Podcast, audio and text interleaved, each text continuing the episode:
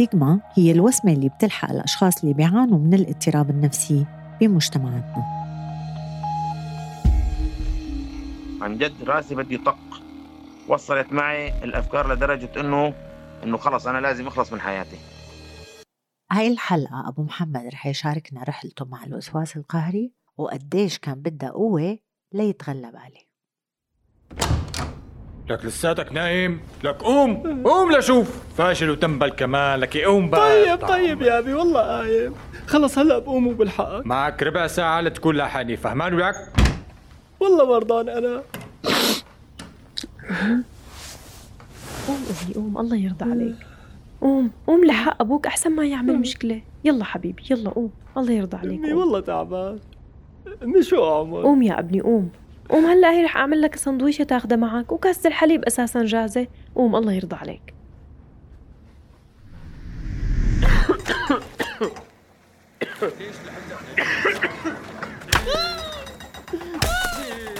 أنا ما قلت لك تنزرع هون قبل الضوء أنا بوديك تعال يا أبي والله مرضان والله حرام عليك يا أبي والله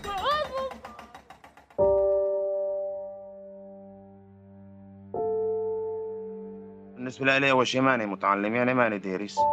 وصلت بمرحلتي التعليمية تقريبا للصف السادس حتى ما كملته يعني. طبعا كنت يعني سبحان الله طفل ما بعرف هيدي كتير.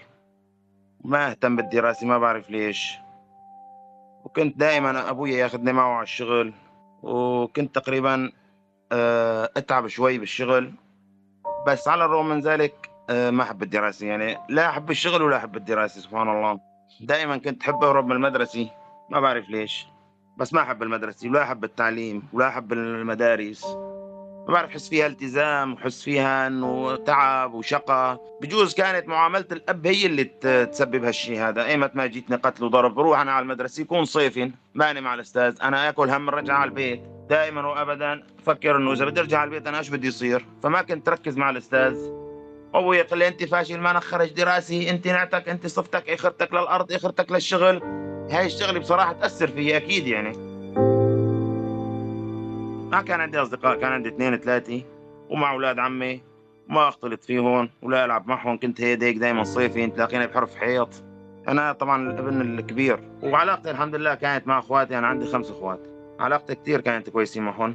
مدري لأنه هيدي مدري لأنه ما كنت يعني اندمج معهم أو مثلا احكي معهم أو مثلا ما أصطدم معهم. كنت دائما هيدي فما أصطدم مع حدا فعلاقتي كانت كثير ممتازة مع أخواتي. كنت خاف من الوحدي ما أحب أبرك لحالي. وعندي الابرك مع العالم. كانوا يعني تعرف أنت يسببوا لي مشاكل. خصوصا مع عائلتي عندي اللي يبرك مع عائلتي كان أبوي يعمل لي مشاكل. وما أحب أبرك لحالي. والعالم كانت كلياتها نفرة من حوالي. ما بعرف سبب إنه هادي بسبب إنه ما بعرف. وما احب هيك يعني أبرك لحالي. عند اللي ينام كمان أفزع إنه في ما أشوف حالي إلا قبيت فزيت. حس إنه شي مثلا فكر إنه الدار وقعت. فكر إنه مثلا حدا عم يضربني فكر إنه حدا عم يقتلني. شوف أبويا بالمنام. يعني شوف آه، شغلات عجيبة بالمنام. في هيك وأنا مرعوب وأنا فيزيز أطلع لبرا أصير صيح. أبكي. هيك. كان عندي حلم إنه أنا ب...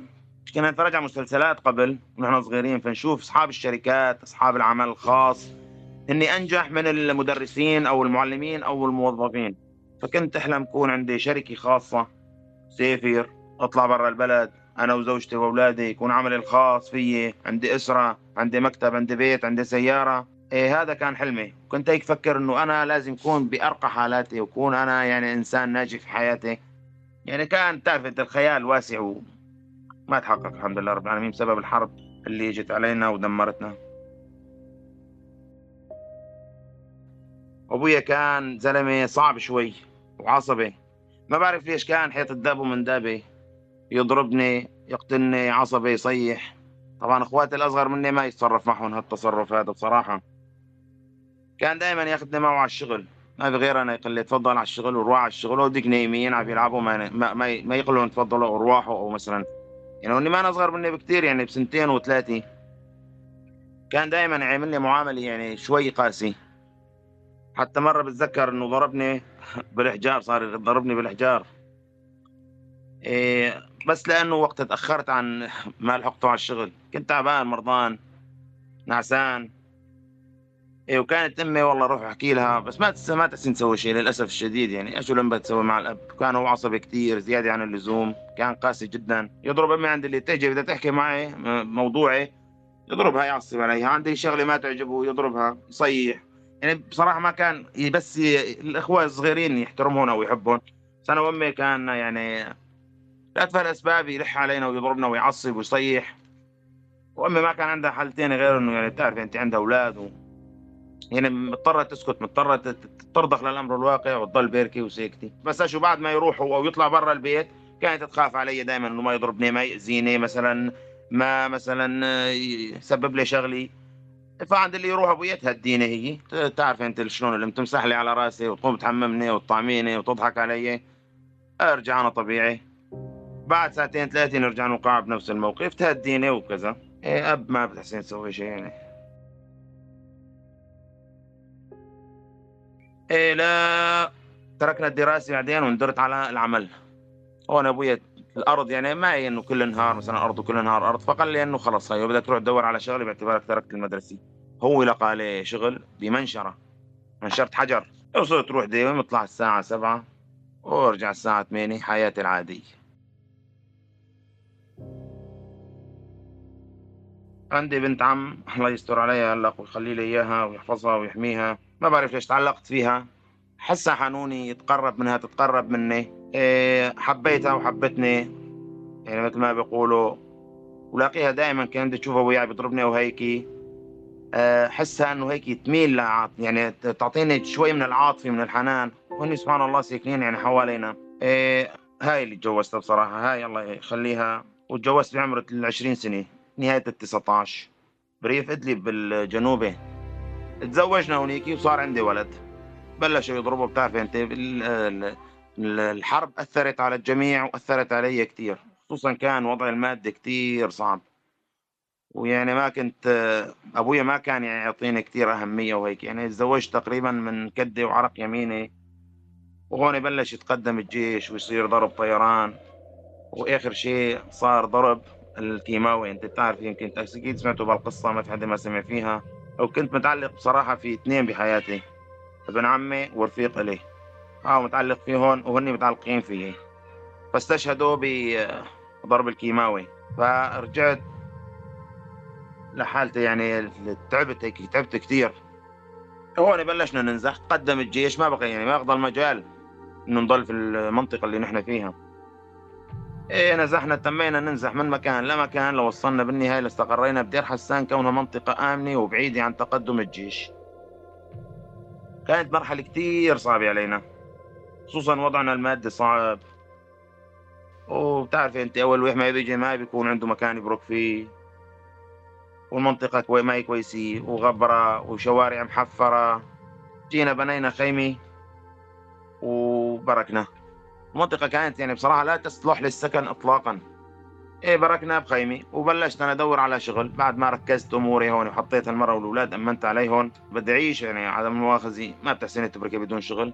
طبعا أهلي كمان وضحهم ما هو زيادة كانوا حوالي فما يحسنوا يساعدوني أو مثلا اتكي عليهم فرحت أدور على شغل. منطقة صحيح بعيدة بس فيها مقالع وفيها أحجار وفيها فلقيت شغل بمنشرة. نفس شغلتي سبحان الله السابقة.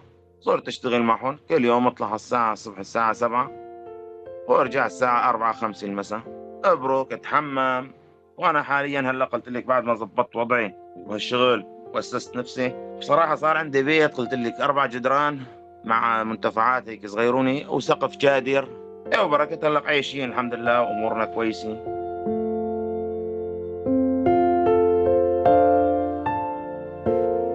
أنا كنت محترم مع ابويا وما بسجر أحكي معه. لليوم بحترمه بحبه وبقدره. بس هو لليوم لساته عصبي وما بسجر طلع بوجهه. سبحان الله يعني هو طبعه عصبي وما زال عند اللي ببرك عنده دائما بيسفهني وبيحكيني كلام صعب يعني وبيغلط علي. ما هو إنه مثلا كل حالنا ببهدلني قدام زوجتي قدام أولادي قدام أخواتي الصغيرين. ما عنده مشكلة خالص. صحيح كنت قاتل مع ابويا ودائما مشاكل ودائما عمل. ولكن كنت مبسوط وأقول الحمد لله رب العالمين. حسين قوم اتحرك أمشي. ما بعرف فجأة رجعت من هالمقلع. كنا بشتغل قلت لك بمقلع حجارة بدير حسان.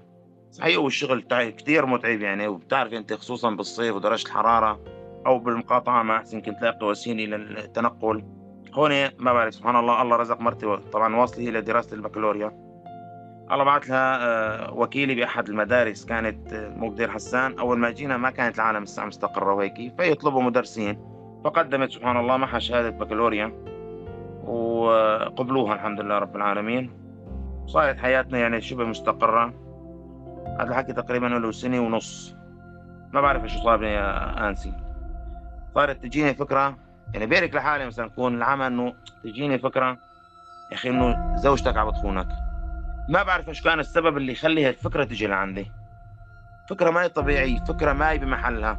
إنه ليش هيك صار؟ إنه ليش هاي الفكرة صارت تجيني إنه زوجتك عم بتخونك مرتك عم بتخونك مرتك عم تطلع مع حدا غيرك مرتك عم تحكي مع حدا غيرك.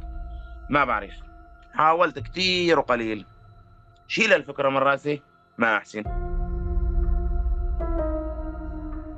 بلشت الفكرة تكبر تكبر تكبر تكبر لا حتى وصلت لمرحلة إنه ما أحسن أتحمل. وانقلبت حياتي راسا على عقب. طبعا ما اسا أبديت لأي شخص بهذا الحكي. كنت دائما وابدا صيف لحالي وتجيني الفكرة هون بلشت بقى انعزل عن الناس بلشت أنفر من أولادي بلشت أنفر من زوجتي اللي ما كان لها سبب وما بعرف ليش. صرت خفف الأكل ما آكل دائما وابدا وزني نزل آه، ما بقى انام كرهت الشغل ما بقى أروح على الشغل حزنان دائما بتلاقيني بيرك لحالي ما أبرك مع حدي ما أطلع مع حدي. كان دائما هيك راسي يجعني. بطني يجعني لك حس ضيق بنفسي. صرت دخن كثير ما كنت دخن كثير صرت دخن في النهار ثلاث باكات اشرب قهوة كثير أه ما انام بطول حس حالي فيق ما أشوف إلا فيق مرعوب. إيش اللي يصير معي؟ بصراحة ما أعرف. وما كنت استجر اخبر حدا عن جد راسي بدي طق. وصلت معي الأفكار لدرجة إنه إنه خلص أنا لازم أخلص من حياتي. أفكار يعني كانت صعبة جدا جدا جدا علي. وأتمنى الموت لأبعد درجة. يعني أكثر من الموت قلت بدي خيو أموت واخلص من الحياة. بس إنه نفذت الحمد لله ما نفذت. كوني يعني مؤمن الحمد لله ما حزت علي ولكن أنا قلها مشاكل بالشغل مشاكل بالعمل. كانت يعني ما تصدق وتصدق بس الحالة زادت عن حدها وتفاقمت الأمور. بعدين قلت ما بقى فيه بعدها بعد ولا في وراها ورا خلاص صار لازم قلها.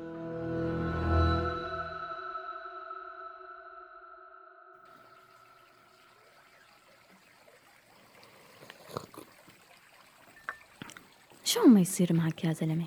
أحوالك مو عاجبتني هالأيام. مالك على طبيعتك. ما في شيء ما في شيء بصراحة ماني كتير مصدقتك. ما في شيء مشاكل بالشغل يا مرة. صارحني قلي شبك. بدك الصراحة يا أم محمد؟ أنا عم حس إنه أنت عم تخونيني أو عم تحاكي حدا تاني أو آه، بدك تتركيني. شو؟ عم تشك فيني؟ أعوذ بالله يا أبو محمد معقول؟ لك أنا بحبك أفكار عم تجيني؟ طيب وين بدي أروح فيها؟ يعني براسي وين بدي أروح فيها؟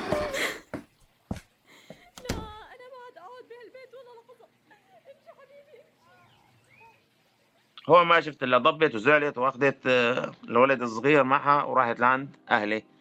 عندي هونيك أخ صغير أصغر مني بثلاث سنوات. عليك متدين زلمة كويس بس هيك حوالي أهلي. راحت لعنده صاحت له على طرف. وبلشت تحكي له قالت له هيك هيك هيك أبو محمد عم يصير هون اجى لعندي وصار يبهدلني ويلومني وشو التفكير هذا وشو المخ هذا وما بصير تشك بمرتك. قلت له يا خاي ما هو بإيدي الأفكار عم تجيني غصب عني. في شيء ما هو مزبوط. قلت له أنا ما بشك بمرتي ومتأكد إنه ما عم بتخوني بس ولكن الأفكار عم تجيني غصب عني. قلت له ما عم طالع الفكرة من راسي. صار يبهدلني ويلومني وانت مسحور وانت ما انت عندك مشكلة وانت مستحيل وما انك طبيعي فصار قال خيو بدنا نعمل لك رقية شرعية. قلت له شو رقية شرعية؟ قال بنقراك أنت كونك مسحور ممكن يكون حدا يعمل لك سحر ممكن يكون حدا كاتب لك عمل. وأنا أنا أول شيء بداية ما اقتنعت بالفكرة. قلت له شو رقية شرعية وشو ما رقية شرعية؟ معقول الرقية الشرعية تطالع الفكرة من رأسي. يعني الفكرة عن جد صارت تتعبني صار مثل ما بيقولوا يعني بدي أتفجر عادي. قال بدك تعمل رقية شرعية وأنا باخذك لعند واحد صديقي عندي شيخ صديقي ودين وكويس. وخيو جرب أنت مانك خسران شيء. إيه ما رضيت أول شيء. في البداية رفضت الأمر. رجع. هون زوجتي راحت سكنت عند أهلي يومين ثلاثة بين ما حاول هو يقنعني بعمل الرقية الشرعية أو مثلا فك السحر أو بتعرف أنت من هالأمور هاي. جربت أعمل رقية عند أحد أصدقائه أو اللي أقنعني عنه. بسم الله أرقيك. من كل شيء يؤذيك. من شر كل نفس أو عين حاسدة. الله يشفيك. بسم الله أرقيك. بسم الله يبريك من كل داء يشفيك من شر حاسد إذا حسد وشر كل ذي عين. لا إله إلا الله العظيم الحليم.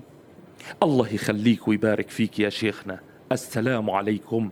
وعليكم السلام ورحمة الله. لك يا أبو محمد أنت أكيد مسحور.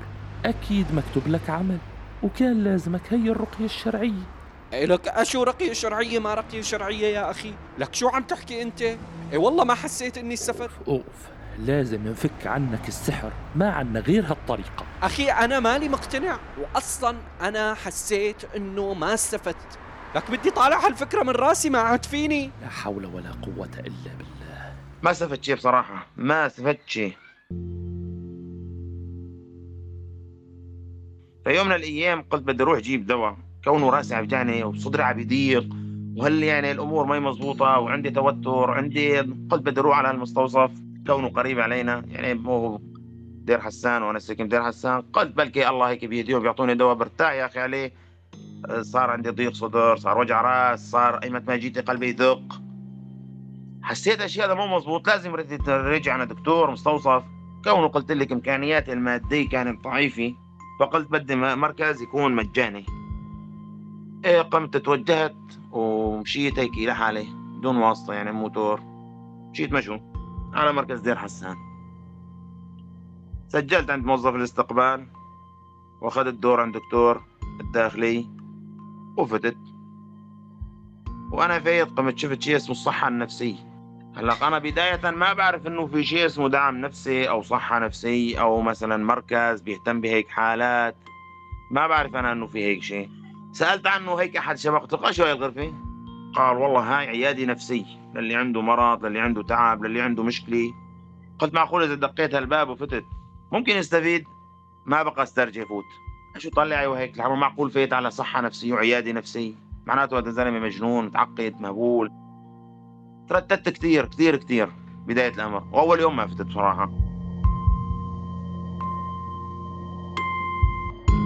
رحت على البيت صفنت بالفكرة. بيني وبين حالي إنه يا أخي أنا ليش ما بروح خيو؟ وبشيل الوسواس من رأسي. يعني معقول إنه أنا مشكلتي يا أخي نفسي؟ معقول أنا عندي مشكلة؟ معقولة يعني في عندي شيء معناته أنا خيو ليش ما بروح؟ وعلى الله. خيو أحسن ما أتدمر أحسن ما أدمر مرتي واولادي أحسن ما أخسرهم أحسن ما أنتحر أحسن ما أوصل إلى مرحلة ما أحسن مثلا سيطر على حالي أو سيطر على أقربائي أو على اللي بحبهم. قلت خيو ما يوصمي ولا يعار ولا شيء بدي أروح أحسن ما تخرب السهل. أول شيء أخوي الصغير هذا اللي قلت لك متدين رفض الفكرة وقال هذا كلياته حكي وكلياته كذب وما بتستفيد منه. وأنت زلمة مسحور وأنت زلمة ما لك غير الشيوخ وما لك غير الرقية وما لك غير فك العمل. ما رديت عليه لأنه أنا بصراحة عند اللي عملته عنده أكثر من جلسه ما استفدت. كل ما أقول له بدي أروح على المركز يقول لي لا بدك تروح تلتزم معي مع شيخ. وهو العلاج النفسي لك. العلاج النفسي علاج كان يعصب يتوتر يصيح أنا هون بيني وبينك اهمد بعدين كنت بدي أقول لزوجتي خيو بلكي شوف إيش ردة فعلها مثل ردة فعل أخوي؟ إذا مثل ردة فعل أخوي؟ يجوز ما أروح. خبرتها قلت لها يا بنت الناس أنا ترى وضعي بعرفه وأنا يعني فكرة عم بتراودني وأنا لازم لازم لاقي حل لهالفكرة. اللي بدي أشيلها من رأسي. طار عقلي قامت شجعتني. قالت لي نعم. وما طالما إنه ما استفدت على الرقية الشرعية من شيخ واثنين فخلص روح وتوكل على الله وأنا معك وما بتركك شجعتني. قويت قلبي والصبح فقت لبست ورحت على مركز دير حسان. وصلت على مركز العيادة النفسية على مكتوب هيك على لافتي العيادة النفسية هون فتت دقيت الباب. السلام عليكم وعليكم السلام. الشباب احترموني وردوا علي بكل أدب ولطف. الشاب عرفني عن نفسه وعن الخدمات اللي ممكن يقدم لنا إياها. وبصراحة أنا كنت متردد بس مشان قلت لك الوصمي والشباب يحكوا مثلا ويقولوا فات على العيادة النفسية ومجنون ومن الحكي هذا. فهو أكد لي بشكل يعني كتير كبير عن موضوع السري وإنه اللي بيكون بهاي الغرفة بيني وبينك لا يمكن يطلع لأي شخص كان ولا يمكن يخبر فيه أي شخص كان. والجماعه كانوا محترمين والجماعه كانوا كتير كتير معي سلسين. وعند اللي هون حسيت هيك ارتحت هيك عن جد وحسيت هيك بالأمان وحسيت إنه إنه حديثه ممكن يجيب نتيجة. فهون قلت أنا معناته بلشت امشي بالطريق الصواب.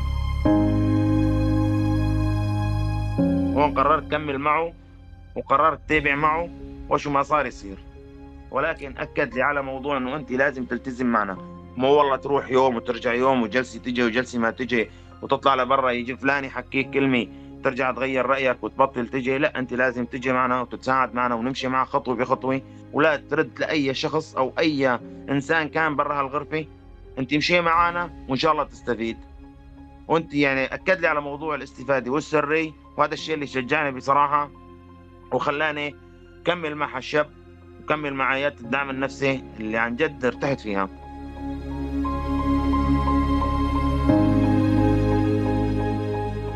يعني أول جلسة عملتها ارتحت. فحسيت إنه هاي فعلا فكرة عم بتراودني وانه أنا عندي مشكلة نفسية. هون بلشنا أنا والشاب بعد ما سالنا هيك كم اسئله كم سؤال وين عم بتروح؟ وين عم ترجع؟ شو عم بيصير معك؟ بلش يعني مثل ما بيقولوا يشوف شو وضعي شلون عم بيصير معي بالليل شو عم بيصير معي بجسدي بنفسيتي بأفكاري. إنه شو اللي عم بيصير معك؟ هون بلش يكتب على ورقة. طبعا ما كتب الاسم. يعني قال لي مشان ما تفزع قال لي ما كتب الاسم. حتى بعرف رقم هيك مدري شلون. إيه قال بس مشان يعني هذا قال كود خاص فيك مشان ما تفكر بأنه بدنا نسرب هاي المعلومات أو نحكي عنك أو نضرك.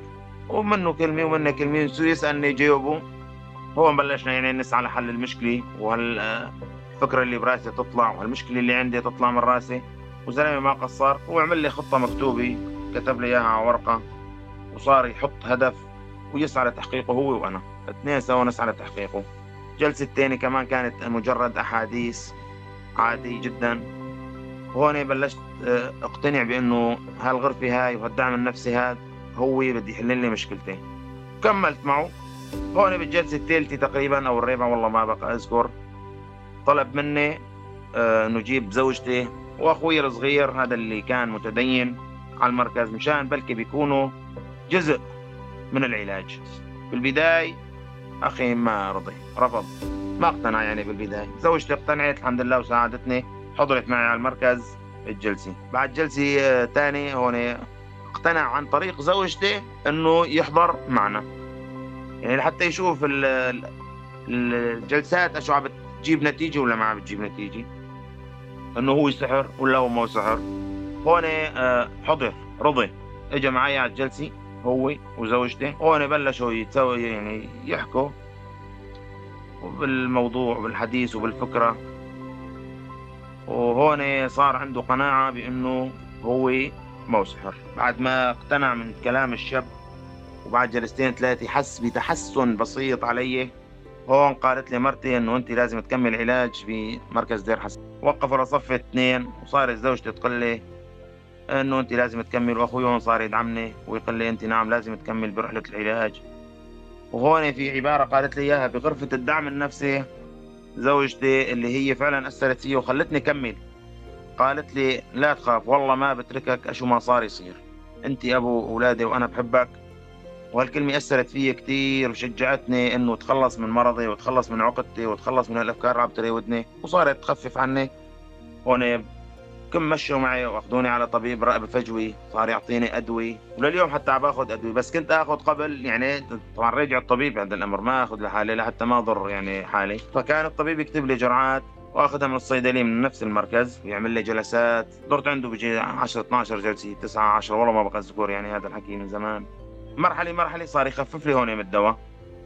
ولكن أكد لي على موضوع إنه التزم بالدواء. ولليوم عم باخذ الدواء بس بجرعات خفيفة جدا يعني قليل.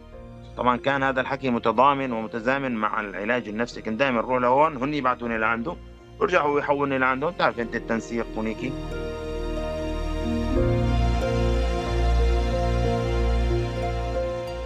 هون حسيت حالي صرت ارتاح.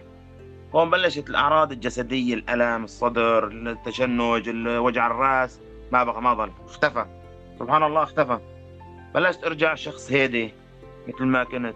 بطلت أقعد بالبيت صرت أطلع مع مرتي وأولادي صرت أرجع شغلي طبيعي. كنت شخص قلت لك مكتئب وحزين ويوم ما جيتيني مثلا هيك نافر عن العالم. لا رجعت شخص سعيد وعابس على الحياة. ما بقى تجيني الأفكار اللي كنت أفكر فيها خالص. شلون شالوا لي إياها؟ من راسي ما عرفت. أنا سعيد هلأ ومبسوط بأنه وصلت لهالمرحله هاي اللي وتخطيت هالمرحلة هاي اللي كانت عبارة عن كنت بعتبرها خطر على حياتي.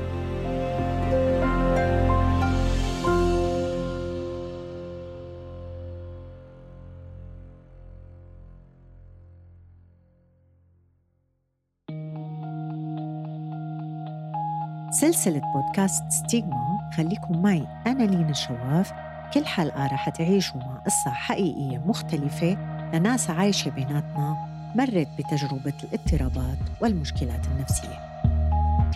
حرر هي الحلقة لينا الشواف وعمل على هندسة الصوت آش سعد بودكاست ستيغما هو أحد منتجات بودكاست روزانا بالتعاون مع منظمة أوسم